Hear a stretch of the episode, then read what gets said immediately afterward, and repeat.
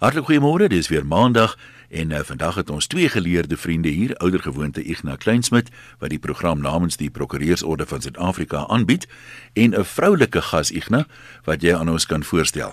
Ja, goeiemôre luisteraars en uh, baie groot voorreg vir my om vandag uh, voor te stel aan die luisteraars Wynanda Kutse, 'n baie bekende prokureur daar van Centurion Pretoria van die firma Geyser & Kutse. Sy is 'n NISA uh, gegradueerde waar sy juris en 'n LLB gekry het. Daarna het sy verskeie, is een van daai mense wat anders studeer. Ja, hulle hou net nie op nie. Sy het 'n sy's 'n bietjie pensioenreg bestudeer. Sy het ook alternatiewe dispuutbeslegting gedoen. Sy doen mediasie, sy doen mediese reg. Sy het ook 'n kursus gedoen gevorderde kommersiële reg, alles oor die laaste klompie jare. So 'n uh, eh, ywerige student, maar ook 'n baie bekwame en 'n baie bekende uh, spesialis op die gebied van klasaksies. En dis waaroor ons vandag bietjie met haar gaan gesels. Baie baie welkom Wynanda. Môre Ignas, dankie. Uh onlangs was daar 'n baie uh, groot konstitusionele hofsaak uitspraak wat geweldig baie beteken het vir ons pensionaarsse van Transnet. Dit was redelik baie dekking gehad in die koerante Ian en luisteraars sal dit onthou. En dit het gegaan oor 'n 1989 belofte wat aan sekere pensionaarsse gemaak was op daardie tyd baie jare terug. En ons het vandag die voorreg om die prokureur wat die saak gehanteer het en nog steeds hanteer, uh hier vandag te hê. Dis Wynanda. Uh, sy is dan ook die persoon wat optree namens al hierdie pensionaarsse in hierdie klasaksie en ons gaan bietjie met haar praat oor hoe waar die saak staan, wat sover gebeur het en wat se suksesere is en wat die verwagtinge is. En Wynanda se 'n bietjie agtergrond oor wat gebeur het met hierdie pensionaarsse wat tot hierdie litigasie teen Transnet en die fondse gelei het. Die pensionaarsse het 'n belofte ontvang van die staat hulle werkgewer op daardie stadium om 'n pensioenverhoging te kry van jaarliks 2% ten minste 2% plus um, inflasie aangepaste verhogings en sedert 2003 het dit nie gebeur soos wat dit tevore gebeur het nie en is daar slegs 'n 2% um, jaarlikse verhoging aan die pensionaarsse toegestaan. Dit het seker groot uh, hartseer en uh, onwrigting veroorsaak finansiëel vir baie van hierdie ouer mense, nê. Nee. Ja natuurlik, hulle kan nie bybly met die inflasie nie. Nou wat is 'n klasaksie en wie kwalifiseer nou as deel van hierdie klas? 'n Klasaksie is 'n groep persone wat dieselfde eis oorsaak, selfde probleme het teen 'n dieselfde instansie of ehm um, entiteit waar hulle dan saam groepeer in litigasie en 'n klas vorm sodat dit nie litigasie of koste ehm um, dupliseer nie en dan wanneer die ehm um, litigasie afgehandel is, dan trek al die lede van die klasaksie voordeel daaruit. In hierdie spesifieke geval is daar twee geslote uh, pensioenfonde. Die een is die groep pensionaarsse wat pensioen ontvang van die transportfonds en die ander is die groep wat van die tweede vaste voordeel fonds pensioen ontvang. En uh luisteraars sal nou dalk wonder of jy, of hulle iets moet doen om deel te wees van die klasaksie of is daar 'n is al die pensionaarsse reeds betrokke by die klasaksie? Glad nie 'n persoon hoef niks te doen nie, almal is outomaties en van selfsprekend deel van die klas. Toe ons ons sertifiseringsaansoek gebring het, was dit op die basis gebring dat jy voordeel sal trek as jy lid is van die klas tensy jy spesifiek kies om nie daaruit voordeel te trek nie en daar is op hierdie stadium slegs een persoon wat gekies het om nie deel van die klas te wees en nie voordeel Hoeveel te trek. Hoeveel mense praat ons van hier? Ons praat van ongeveer 66000. Nou, hierdie saak kom nou reeds van 2003 af. Uh, ons weet al in hierdie program dat die wiele van die reg draai soms maar baie stadig. Maar jo 2003 nou is ons eers by die hof uitgekom. Hoekom? Ek dink die grootste klomp pensionaarsse was 'n bietjie oor onkundig oor wat besig is om te gebeur, hoe die strukture werk, waarom hulle hulle pensioen um so beperk kry en hoe die pad vorentoe uh, loop. In 2012-13 is ek genadeer deur 'n klomp pensionaarsse en belanghebbendes en hulle het toegevoel dis nodig dat hierdie aangeleentheid nou met hof toe gaan en het ons dan in 2012-13 begin aansoek doen om gesertifiseer te word as 'n klas. Dit was Transnet moeilik daaroor geweest. Transnet en die pensioenfonds het alles in hulle vermoë gedoen om wel te gooi, maar ek dink uiteindelik is ons nou ehm um, na al die appelle en ons konstitusionele hof uitspraak is ons daar waar Transnet en die fondse nou moet antwoord op ons eis. Ek wil nou praat oor uh ryk prokureurs. Nou 66000 kliënte in een saak het en elkeen betaal net vir my R1000 dan is ek wat is ek 66 miljoen rand dan sterker. Hoe werk die kostes? Hoe word jy betaal? Dit klink baie goed, maar ongelukkig gebeur dit nie so nie. Ehm um, ek aanvaar hulle eie koste en ehm um, dit klink vir my asof die pensioenfonde se regskoste deur die operasionele koste wat Transnet aan die fondse betaal gedek word, alias meneer Piet Marits van die pensioenfonde. Ons word nie op hierdie stadium vir ons regskoste betaal nie. Ons kry bloot ad hoc vrywillige bydraes van die pensionaarsse wat dan help om van ons direkte uitgawes te dek soos die aktuaries en so meer. Uh is daar ook 'n gebeurlikheidsvooreenkoms in plek of nie werklik by sukses nie? Nie werklik by sukses nie. Goed.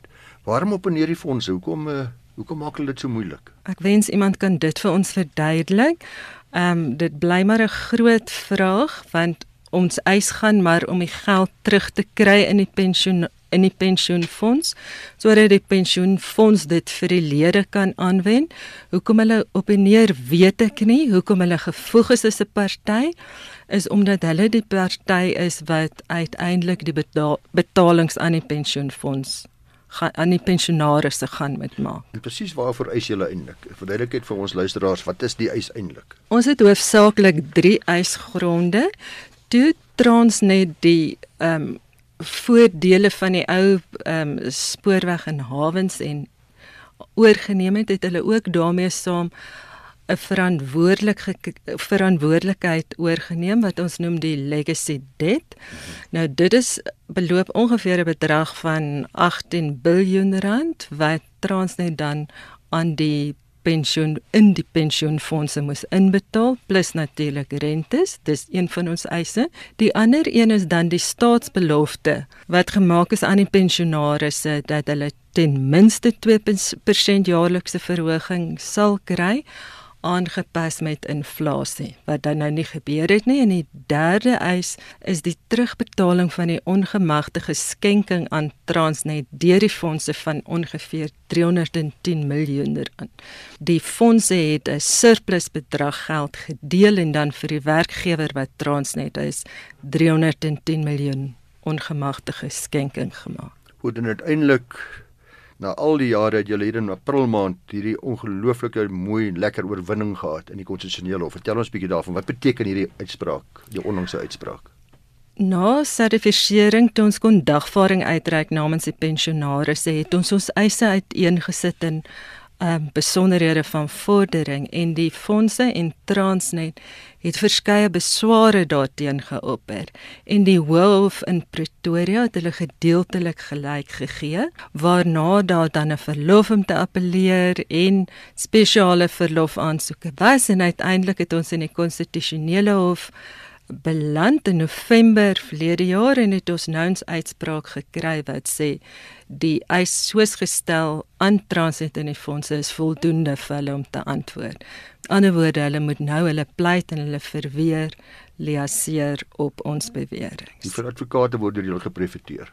Ongeveer 6 van hulle. Die leier? Ehm um, Wim Tringa van die ehm um, Johannesburg Bali. Goed, wat hoop jy om te bereik?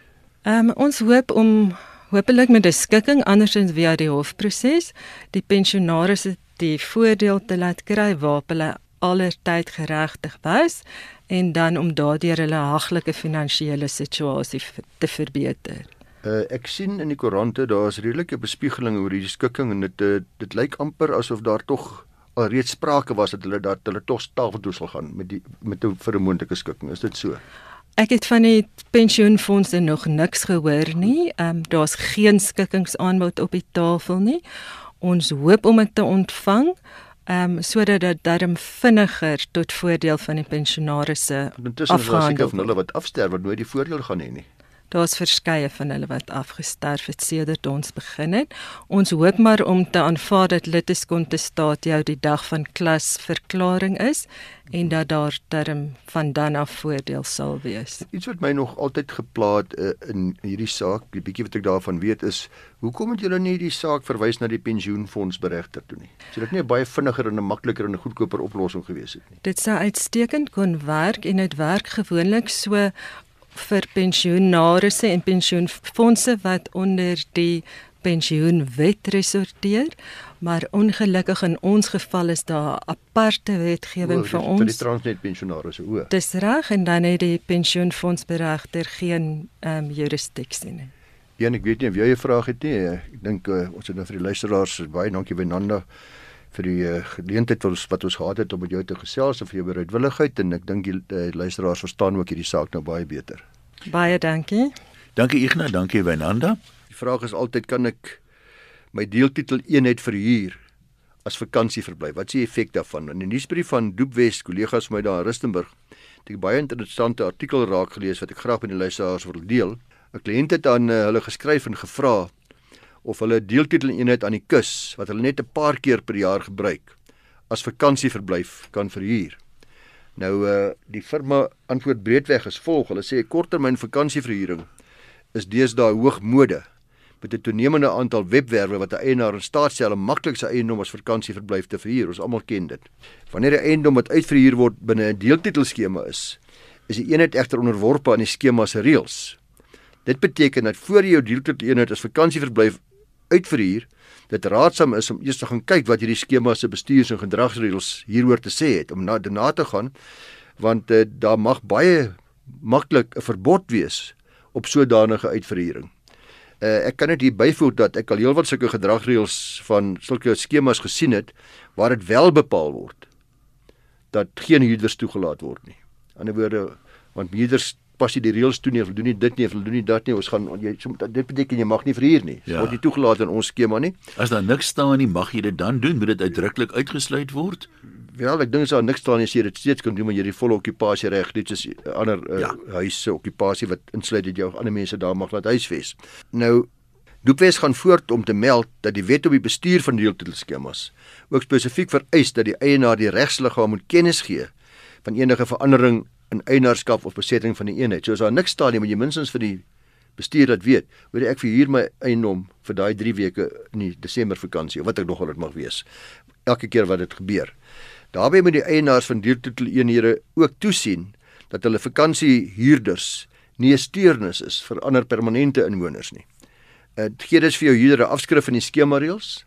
Sorg dat hulle dit onderteken as bewys dat jy jou deel gedoen het en ook as hulle instemming om hierdie reëls behoorlik na te kom. Mens kan jou voorstel dat die eienaars vir ander eenhede taamlik ontstig gaan wees as al die reëls rakende sekuriteit, parkering, geraas, vullisverwydering, wat ek nogal, ligte in die aand, watergebruik ensovoorts nie deur die vakansiehuurders gehoorsaam word nie. Ek is 'n ja. Ek weet dit ondervinding hoe gefrustreerde mense raak as jy by die huis kom en daar staan 'n vreemde motor op jou parkeerplek en jy weet nie waar hy vandaan kom nie. Ja, absoluut. Toegekende ja. parkeerplekke. Ja, ja, ja. Ek is ook 'n lid van 'n aandeleblok skema daar onder in die Oos-Kaap en ek weet byvoorbeeld dat buiteligte wat snags laat snags brand en die hele ambiance van die naglig en die uitsig op die see word daardeur verander. Dat dit 'n groot steennese aanstoot is vir baie van die ander eienaars.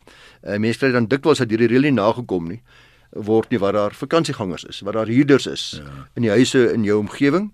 Uh en weet sommer dadelik, hulle is nie aandeleblok eienaars nie, want die aandeleblok eienaars is baie pligsgetrou want ons voorsitter daar, Dr. Charles Strydom, daar van Port Elizabeth, sluit elke liewe nuusbrief af met 'n vermaaning dat asseblief skakel hier buiteligte in die aand af.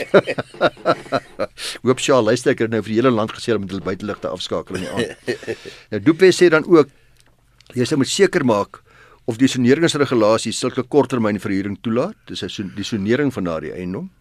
As daar beperkings in opsigte van sonering is, mag dit ook die opsie om te verhuur inperk of vereis jy die toestemming verkry voordat jy eiendom mag verhuur. As jy onseker is of jou eenheid as 'n vakansieverblyf verhuur kan word al dan nie, is dit maar die beste idee sê hulle om eers met 'n eiendomsspesialis te gaan praat, want dan sal hy help bepaal om te kyk of daar enige beperking of vereiste is in jou pad staan en uh, afgesien daarvan jou regsliggaam sal dan seker ook vir jou die nodige inligting kan gee. Goed, ons kan nou, is dit nog tyd vir dalk nog twee as hulle nie te lank is nie. of een langerige een?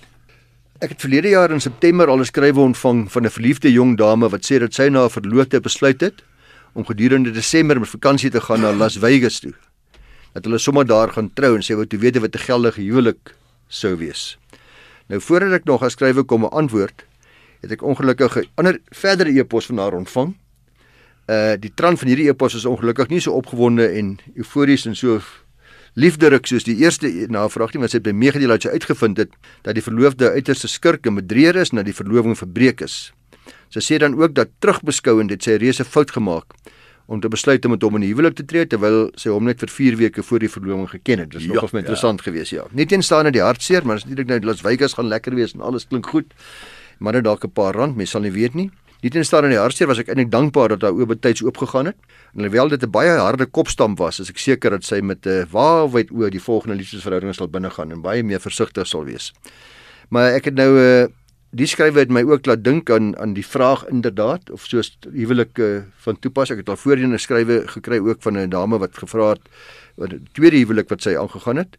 Uh sy word deur haar vernome egnoot op 'n oorseese reis geneem. Sy is nog nie seker in watter land hulle gaan trou nie. En maar is dit blykbaar 'n verrassing vir haar. Maar hulle gaan iewers nou op hierdie oorseese toer gaan hulle trou. Uh, sy sal redelik bejaard, ek sien as haar tweede huwelik syne ook. Uh maar sy sê dat uh, daar's wel iewers 'n seremonie gereël van een of ander aard. Nou luisteraars in die algemeen maar vir u en u kinders wat die romantiek van 'n oorseese huwelik oorweeg. Uh kan ek saamstem dat dit natuurlik 'n wonderlike vooruitsig is, maar is belangrik om deeglik bewus te wees van die regsgevolge van 'n huwelik buite Suid-Afrika. Nou 'n huwelik in suiwer regsterme is 'n eenvoudige kontrak tussen twee persone en elke kontrak het sy eie terme en voorwaardes. Jou onromantiese lummel. jy weet nou al dat as jy 'n huwelik kan tree binne gemeenskap van goedere, dit wil sê jy gooi al ons bates en laste in een hoetjie, alternatiefelik buite gemeenskap, dit beteken elkeen is finansiëel totaal onafhanklik van mekaar finansiëel. Uh en dan ons nog die aanwasbedeling ook in Suid-Afrika. Dit beteken dit wat ons bymekaar maak, verdeel ons in 'n sekere verhouding. As ons wat ons saam bymekaar maak, die ander goed bly ons eie. Maar die kontrak wat die huwelikspaartjie, welke een ook al verkies, sal die regsgevolge van daardie huwelik bepaal en sal afhanklik wees en dis nou belangrik van die wette van die land waarin huweliksluiting plaasvind. Die die die kontrakreg word gehanteer deur die Lex Loci kontrak, dis die plek waar die kontrak gesluit word. Daardie land se wetgewing is dan van toepassing. Dis ook so met enige ander kontrak wat in Suid-Afrika gesluit sal word, sal die Afrikaanse wetgewing daarop van toepassing wees. Nie net die huwelikskontrak nie, maar ook ander kontrakte. Uh so mense moet besef is 'n gewone kontrak hierdie wat jy aangaan. Uh nou ja. Byvoorbeeld As jy in Rusland trou, sal die Russiese wetgewing van toepassing wees. As jy in Las Vegas trou, sal daardie Amerikaanse staatse wetgewing van toepassing wees op jou huwelik. Die Romeinse beginsel van hierdie lex loci contractus is 'n beginsel wat al vir eeue geld in Suid-Afrika nog altyd geld. Die antwoord is dus vir Suid-Afrikaners wat oor see wil gaan trou dat die huwelik in daardie land sal met enkele uitsonderings slegs geldig wees as daardie huwelik voldoen aan die spesifieke wetgewing wat daardie land vir die sluiting van huwelike uh, voorstel. Gewoonlik is so huwelik natuurlik geldig want die huweliksbevestiger daar sal verseker, hopelik ek weet nie wat of die ouens in Las Vegas het met wenner gaan verseker. Ek het gehoor van weet hierdie Elvis karakters wat ja, jy kan ja, trou ja, in ja. Las Vegas nie, weet ek nie of dit maar net vir die seremonie is nie. So mense moet maar daarvan seker maak dat die formaliteite nagekom is en dat uh, dit aan jou bevestig word waar jy ook nogal trou. Die probleem ontstaan egter eers wanneer die huwelik om watter rede ook al beëindig word. Almal is nog dood gelukkig vir die eerste klompie jare en tot die egskeiding plaasvind. Ah. Uh dan sal die een party eise instel in terme van hierdie hierdie kontrak wat dan nou in 'n ander land gesluit is. En dieselfde geld natuurlik ook by afsterwe. Wanneer daar eise teen die oorledene se boedel ingestel word. Dit geld selfs ook vir uh, eise wat skuldeisers mag instel teen die boedel van oorledene of teen die boedel van enige van die twee partye terwyl hulle nog steeds getroud is wie se bates behoort dan wie is hulle binne gemeenskap of is hulle buite gemeenskap gaan vir goed getroud wat sê hulle kontrak is hy kontrak geldig ja. al dan nie? Is dit van toepassing? Nou uh, met betrekking tot die eindiging van die huwelik is daar nou weer 'n ander gemeenregtelike reël naamlik as jou huwelik in Suid-Afrika ontbind word daar waar jou huwelik ontbind word in gevolge ons wetgewing sal die wetgewing van die land waarin jy en jou huweliksmaat gedomisileerd is in oor daar waar jy normaalweg woonagtig is die wette van daardie land sal van toepassing wees uh op die huweliksgoedere bedeling. Die verdeling van julle goedere uh en die gevolge van 'n egskeiding op die huweliksgoedere. So luister mooi, as jy in Suid-Afrika normaalweg woon en jou huwelik word ontbind, sal die Suid-Afrikaanse wetgewing van toepassing wees. Nou wat wat sê die Suid-Afrikaanse wetgewing? As jy getroud binne gemeenskap, as jy buite gemeenskap, as jy aanwasbeding weer van toepassing en nou gaan dit afhang wat daai hoe jou huwelik gesluit is daar aan die kant. Want as jy daar in 'n land uh, byvoorbeeld getrou het waar dit wat jy normaalweg binne gemeenskap van goed getroud is of normaalweg buite gemeenskap van goed getroud is terwyl dit by Suid-Afrika andersom is, dan gaan jy nou van nee nee, nou is jy skielik nie meer buite gemeenskap van goed getroud nie want ons land se wette sê jy is outomaties binne gemeenskap van getroud behalwe as jy 'n kontrak gesluit het, 'n formele ja. HVK gesluit het. En daai daai wetgewing wissel nogal in die FSA van staat tot staat aansienlik. Ja, korrek. So ons luisteraar hierso wat oor see wil gaan trou, maar normaalweg bly hulle albei in Suid-Afrika want albei praat van sommer net 'n vakansie. Jy weet, hulle gaan nie hulle gaan nie daar bly daar aan die kant nie. Hulle is hier gedomisileerd. Uh maar weet die Suid-Afrikaanse reg is van toepassing op julle verdeling van goedere uh en oor die wyse wat julle getroud is by egskeiding. Dis dis belangrik luisteraars om baie seker te maak, uiters belangrik dat daar 'n behoorlike HVK, huweliksvoorwaarde kontrak aangegaan word as jy wil verseker dat jou huwelik in Suid-Afrika buite gemeenskap van goedere moet wees. Dat indien jy nie so 'n kontrak aangaan nie, jy moet seker maak wat die bedeling is in die land waar jy wel gaan trou. As jy dan nie 'n kontrak aangaan nie, want die heel wat van hierdie hierdie hierdie huwelike wat so kom ons gou na Mauritius toe gaan en uh, ek het dit al gesien of gaan daar trou, is dit is dit 'n groot verliefdheid. Daar word nie mooi in die kontrak gedink vir die tyd nie, so maak asseblief maar liewer seker want in Suid-Afrika soos ek gesê het sonder 'n HVK is jy outomaties getroud binne gemeenskap van goed terwyl dit baie ander lande andersom is. So beste advies wat ek jou gee, gaan sien maar u familiereg prokureur om seker te maak dat jy 'n kontrak kry wat voldoen aan julle vereistes, doen dit tydig voor jy vertrek oor see. En onthou maar Paulus se woorde, né? Dis goed om te trou, maar dit is soms beter om nie te trou nie. Val nie met daai spesifieke persoon nie. Ja. Nou op daai noot, ek sê dit net tong in die kies asseblief. Ehm um, is ons klaar met vandag se regsaake. Baie dankie dat jy geluister het. Volgende maandag maak ons weer so.